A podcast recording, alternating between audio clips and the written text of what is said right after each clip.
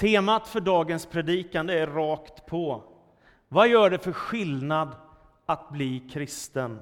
Vad gör det för skillnad att bli kristen? Jag menar ärligt talat, är det någon skillnad överhuvudtaget och i så fall vad? Händer det verkligen något med den människa som börjar tro på Jesus Kristus och som överlåter sitt liv till Gud? Eller är allt bara som förut, bara det att man har blivit lite religiös också för att man inte hade något bättre för sig, ungefär så. Det är frågan. Förra söndagen predikade Elisabeth Myrén här, det var fantastiskt. Jag har lyssnat på internet. Jag var på missionsresa i Grekland så jag kunde inte vara här. Men jag har lyssnat efteråt och hon berättade om sin resa mot att inte vara troende och komma till just den här kyrkan och få möta Jesus och få möta Gud och bli kristen. Det var ett fantastiskt vittnesbörd och en fantastisk predikan. Tack Elisabet. En god illustration på hur det är att hitta fram till Gud. Och nu vill jag läsa en bibeltext från Titusbrevet som handlar just om detta, att hitta fram till Gud. Titusbrevet, det tredje kapitlet och den tredje versen. Paulus skriver, vi var ju själva också en gång dåraktiga, olydiga, vilsegångna, slavar under alla möjliga impulser och lustar. Vi levde i ondska och avund och vi var avskyvärda och avskydde varann. Men när Gud, Guds, vår frälsares godhet och kärlek till människorna blev uppenbara räddade han oss, inte därför att vi har gjort några rättfärdiga gärningar, utan därför att han är barmhärtig. Och han gjorde det med det bad som återföder och förnyar genom den helige Ande. Genom Jesus Kristus, vår frälsare, har han låtit Anden strömma över oss för att vi genom Guds nåd ska bli rättfärdiga och så som det är vårt hopp, vinna evigt liv. Detta är ett ord att lita på. Jag vill att du ska inskärpa detta så att de som tror på Gud vinnlägger sig om att utföra goda gärningar. Dessa föreskrifter är bra och nyttiga för alla människor. en fin avslutning. Det som vi har sagt nu, det här är bra för alla människor, inte för några få religiöst intresserade, utan för alla. Jag är övertygad om att vi alla som människor längtar efter att ha ett meningsfullt liv. Det finns ju ingen enda av oss som förbereder oss för tråkigt, meningslöst och innehållslöst liv, utan alla av oss längtar vi efter att de dagar vi får här i den här världen ska ha någon slags betydelse och förhoppningsvis påverkan på vår omgivning till det bättre. Alla är vi på jakt efter mening och frågan är hur får man tag på det? Och vad kan den kristna tron i så fall göra för skillnad? Och då kan du lägga upp nästa bild. Vad är det den kristna tron gör för skillnad enligt Bibeln? Och det första som är den stora skillnaden, det är att kristen tro erbjuder kontakt med Gud själv, universums skapare och Herre, ursprunget till hela vår existens. Därför är kristen tro inte en inbjudan till en tråkig liten religiös värld, utan det är en inbjudan till en större värld, där du får med Gud att göra. Och ditt liv inte bara rullar på några dagar och du håller på och försöker göra något bra av det, utan du har med Gud att göra. Han som är ditt ursprung. Och det är fantastiskt att få koppla ihop med Gud. Hur kan man få den kontakten? Jo, genom Jesus Kristus. Jag tror att vi alla någon gång har gått och sett emot himlen och så tänker vi, varför finns jag till? Finns det någon mening med den här tillvaron? Är allt bara en slump? Eller finns det någon som ligger bakom denna oerhörda existens som vi lever i?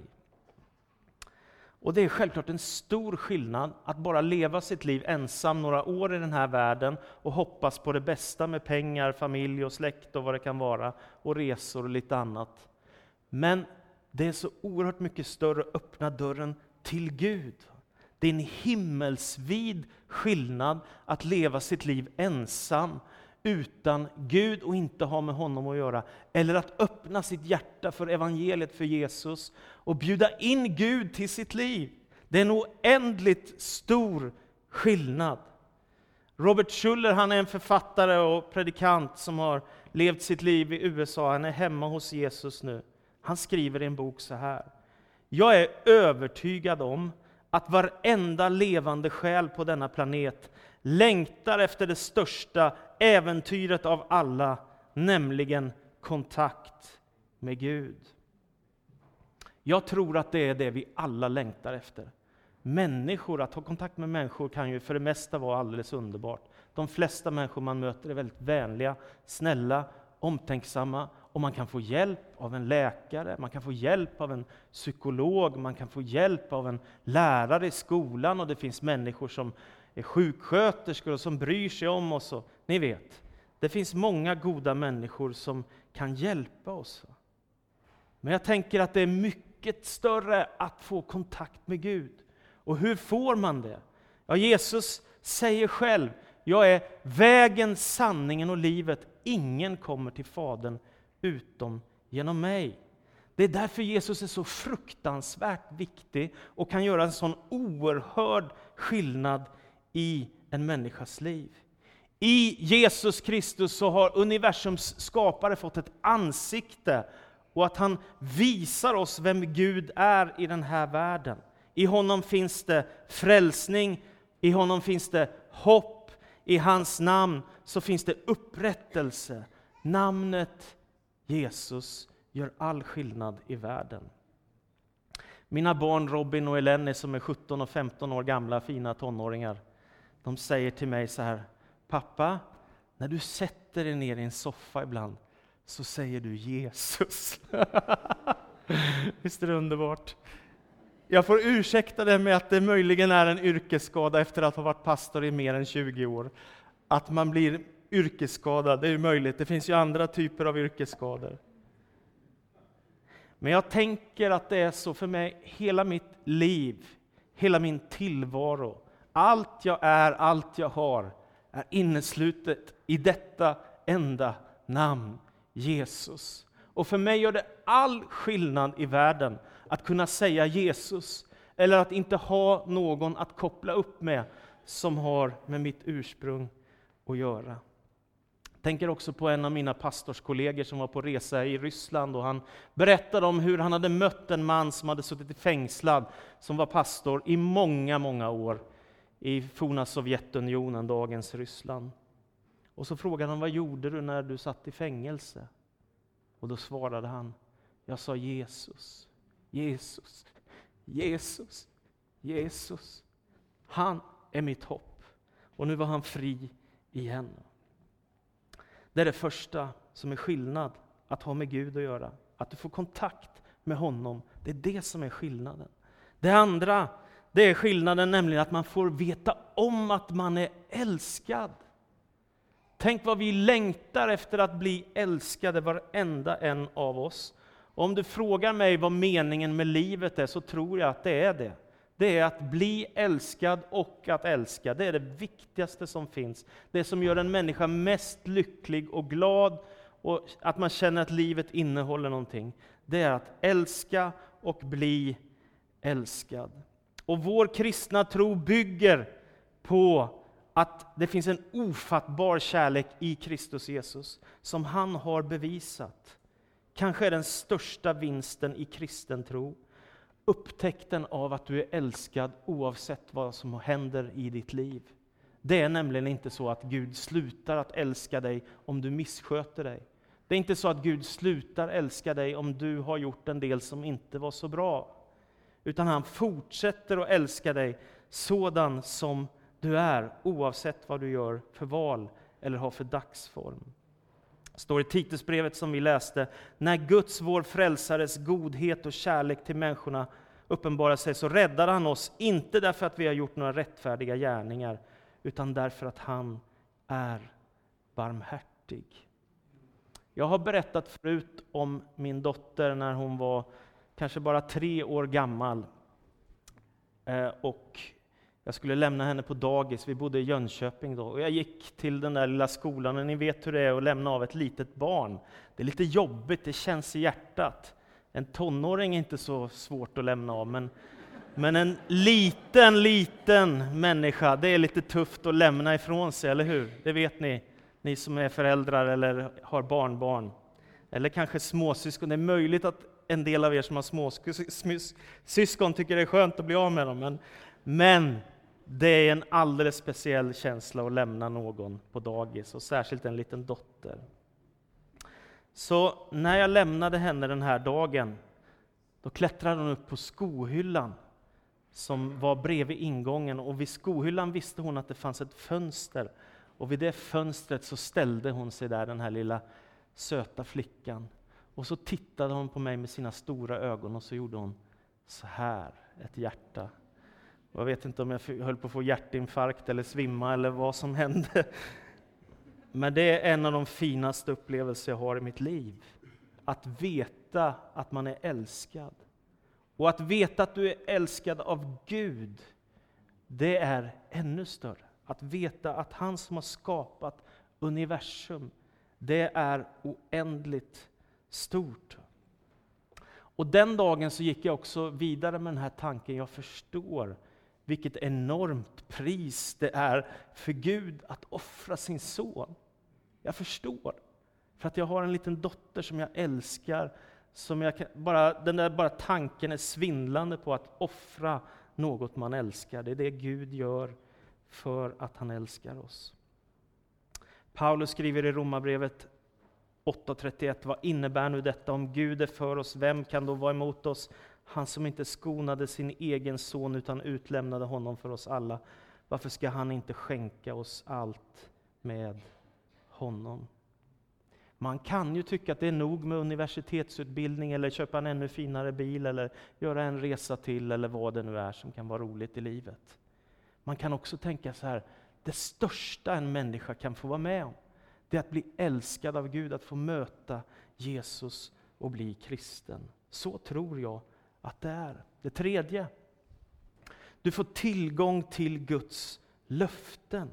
Du som blir kristen, du blir del av ett folk och du blir del av en bok vars löften är många, väldigt, väldigt många. Låt mig ta några få bara. Jesus säger i Matteus 28, jag är med er alla dagar intill tidens slut. Det är det första du kan veta när du tänker på den uppståndne Jesus Kristus. Att han är med dig alla dagar, inte bara de där dagarna du bara ja!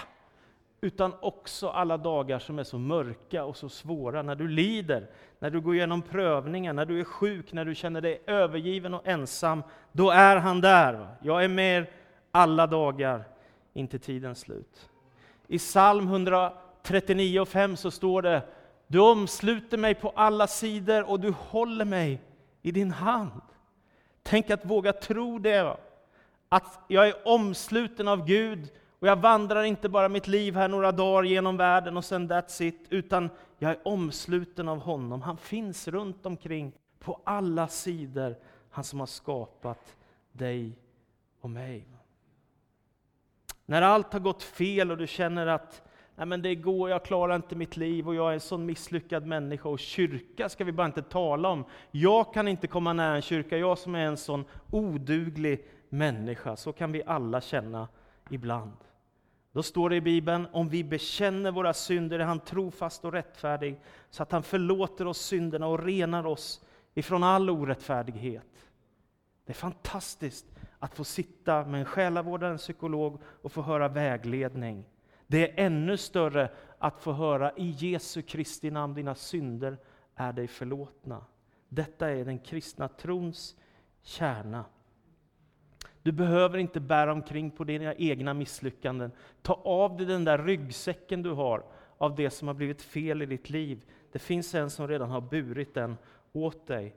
Du behöver inte göra det själv. I Markus 16 och 16 säger Jesus, den som tror och blir döpt ska räddas eller ska bli frälst. Det finns ett löfte till. Att om du tror och du blir döpt i vatten, då har Gud gett ett löfte att du ska räddas för evigheten. Att ditt liv inte bara är här och nu, utan det fortsätter för evigt.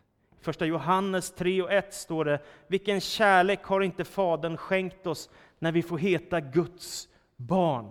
Och de här bilderna finns i Nya Testamentet, som om människor som är långt borta från Gud, han adopterar dem, en efter en. Det räcker bara att du säger Jesus, så blir du adopterad och du blir välkomnad in i Guds familj och du blir ett barn till Gud. Du blir ett barn till Gud.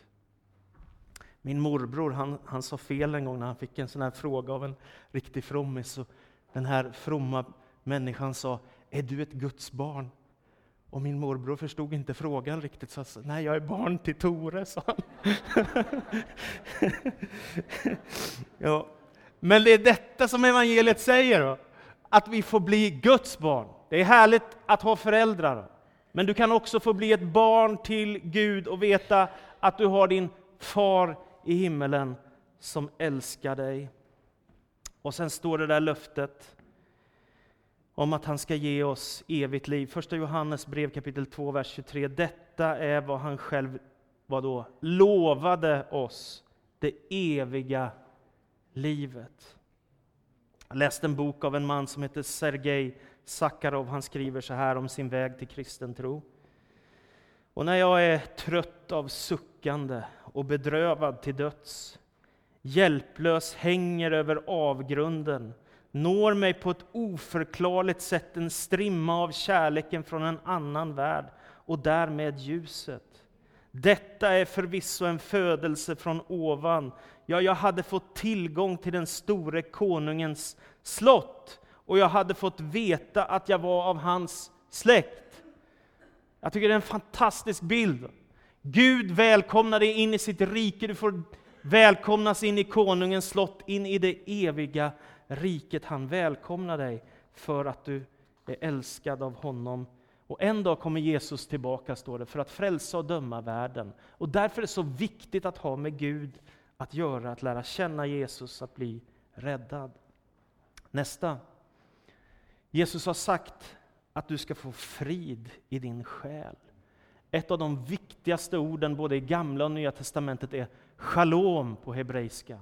Och det betyder fred och det betyder frid, att ha harmoni i sitt liv. Det handlar om helhet, att vara hel. Och Jesus säger i Johannes 14 och 27, frid lämnar jag kvar åt er, min frid ger jag er. Jag ger inte det som världen ger. Känn ingen oro och tappa inte modet.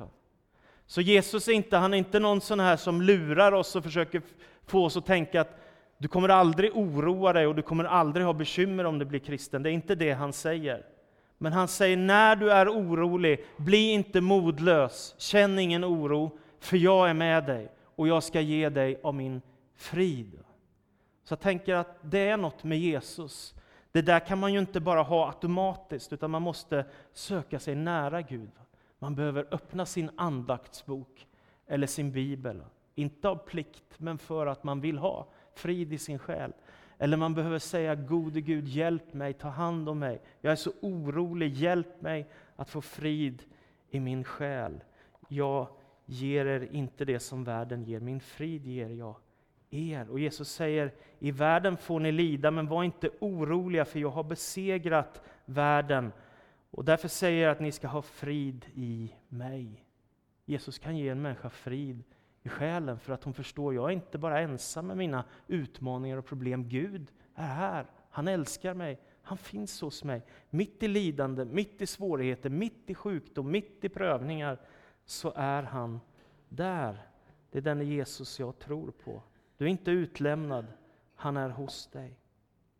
Inte bara det, utan dessutom så säger Jesus att det finns gudomlig kraft, övernaturlig kraft att få. Den kristna tron bjuder in till en verklighet som är så mycket större än oss själva. Vi får kontakt med honom som är vårt ursprung. Så det här är ingen liten värld som denna bok tecknar, det är en gigantisk värld där du kan få gå in genom dörren och Guds eviga rike kan öppnas för dig. Det står att Guds kraft kan nå oss. I Apostlärningarnas första kapitel så står det att Jesus han vill döpa i helig ande och eld. Den helige ande kan fylla dig. Den helige Ande kan röra vid dig, du kan få andliga nådegåvor i ditt liv. Jag var 18 år gammal när jag bad om att få tungotalets gåva. Och en del tycker det är så konstigt. För mig är det en sån enorm välsignelse. Jag har sagt det många gånger, jag säger det igen. Det var som ett gudsbevis för mig. Det här är på riktigt, det är inget påhitt. Det här händer, som står här, det händer mig. Att bli fylld av den helige Ande och få del av andliga nådegåvor, få övernaturlig kraft, det är makalöst stort. Och det finns löften när du har blivit frälst eller kristen och blivit döpt i vatten, så har också Jesus lovat att du ska få del av den helige Ande. Anden är en fantastisk gåva och du blir ett tempel för Guds ande, står det. Så om du är kristen, om du har blivit döpt i vatten, om du följer Jesus, då är du ett tempel för Guds heliga Ande. Han är hos dig. Och inte bara detta, utan många andra saker berättas det om. Profetiska hälsningar står det om. Att någon kan få lära sig att lyssna till Guds röst och få förmedla ord ifrån Herren rakt in i en annan människas liv. Jag har varit med om det många gånger nu, att människor har gett profetiska hälsningar. Några gånger har det varit fel, och man måste säga att det där kan inte stämma. Men de flesta gånger så har jag hört saker, som jag sett människor få tårar i ögonen. Människor säger att det där var verkligen in i mitt liv och min livssituation. Jesus säger, ska då inte Fadern ge helig ande åt dem som ber honom? Det finns alltså ett urkristet mönster att lägga händerna på varandra, be om Guds kraft och välsignelse för att man ska få del av den heliga Ande. Och kanske en av de viktigaste gåvorna att söka är helandets gåva. Jag tror vi alla vet hur smärtsamt det är när, när människor är sjuka. Alla av oss, eller de flesta av oss, har varit med om att stå vid en grav. De flesta av oss vet hur smärtsamt livet är. Och jag tackar Gud för alla läkare, och mediciner, och sjuksköterskor, och operationer och allt vad det är. Och ändå tänker jag att kyrkans uppdrag är att aldrig någonsin sluta be för dem som är sjuka. Alltid, alltid bara fortsätta att be. Oavsett vad som händer, bara be för dem som är sjuka. Be för deras familjer. Omslut dem med kärlek. Visa din godhet. Visa att du bryr dig. Be för den som är sjuk och ge aldrig någonsin upp. Till sist är ju ändå det slutliga helandet i himlen att få komma hem till Gud. Där finns ingen sjukdom, där finns inte mer något lidande. Och sen, vad gör det för skillnad mer? Jo, det är att du blir del av församlingen. Och jag tror att en del av er, ni har inte riktigt fattat hur stort det är att vara med i en lokal församling. För det är att tillhöra Guds rike och vara aktiv i det som Gud är med och bygger i världen. För mig så är detta det finaste och det vackraste som jag vet. Och bland annat beror det på att jag har mött så mycket goda människor i Sverige som har hjälpt mig så mycket och som varit så kärleksfulla, haft så mycket av Jesus som jag har velat ha, att det har berört mig på djupet. Men jag har också rest mycket i världen genom missionsresor och att jag har lett bibelskolor och sådant. Det har gjort att jag har sett många människor i olika delar av världen. Jag har mött kristna i Asien som har suttit i fängelse för att de har bekänt Jesus som Herre. Och det är märkligt vilken glädje de kan ha i sitt liv. Det är svårt att förstå. Men jag har sett dem ansikte mot ansikte efter lång tid i fängelse.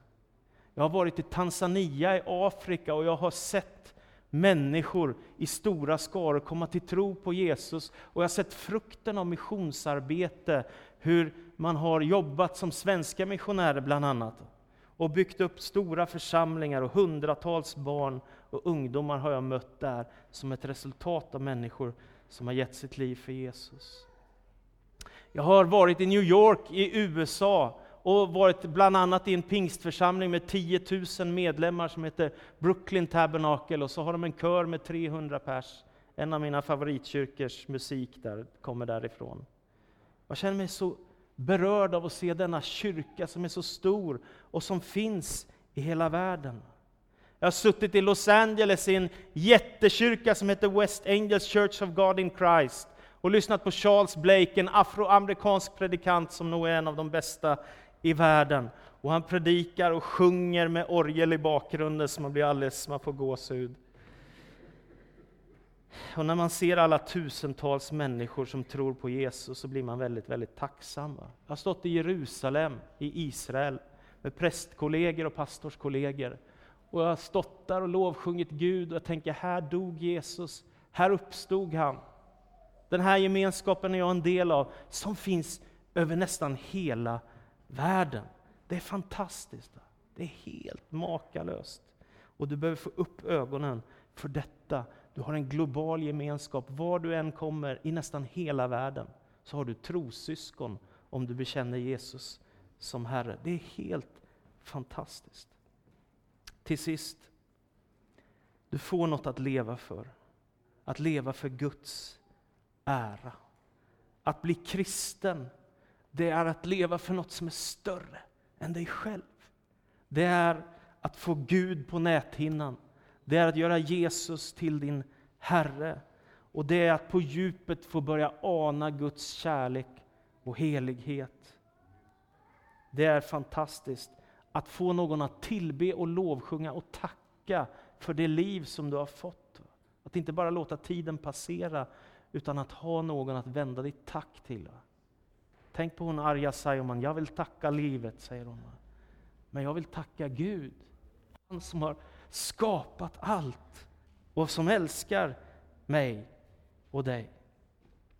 För ungefär tio år sedan när jag jobbade som pastor i Jönköping så hade vi besök av Mike Pilavocci. Han predikade på Nyhemsveckan i somras, eh, som är en av våra stora konferenser där det samlas mycket människor. Han har alltid såna här härliga afrikanska tröjor på sig med många färger. Han är en skön typ, speciell förkunnare. I alla fall så han var med och grundade en anglikansk kyrka och han tyckte att det hade gått i England. Han tyckte att det hade gått slentrian i sången och musiken. Han tyckte att det hade gått slentrian i lovsången. Så en dag sa han som pastor bara, nu ska vi inte sjunga på en hel månad. Inte en enda sång.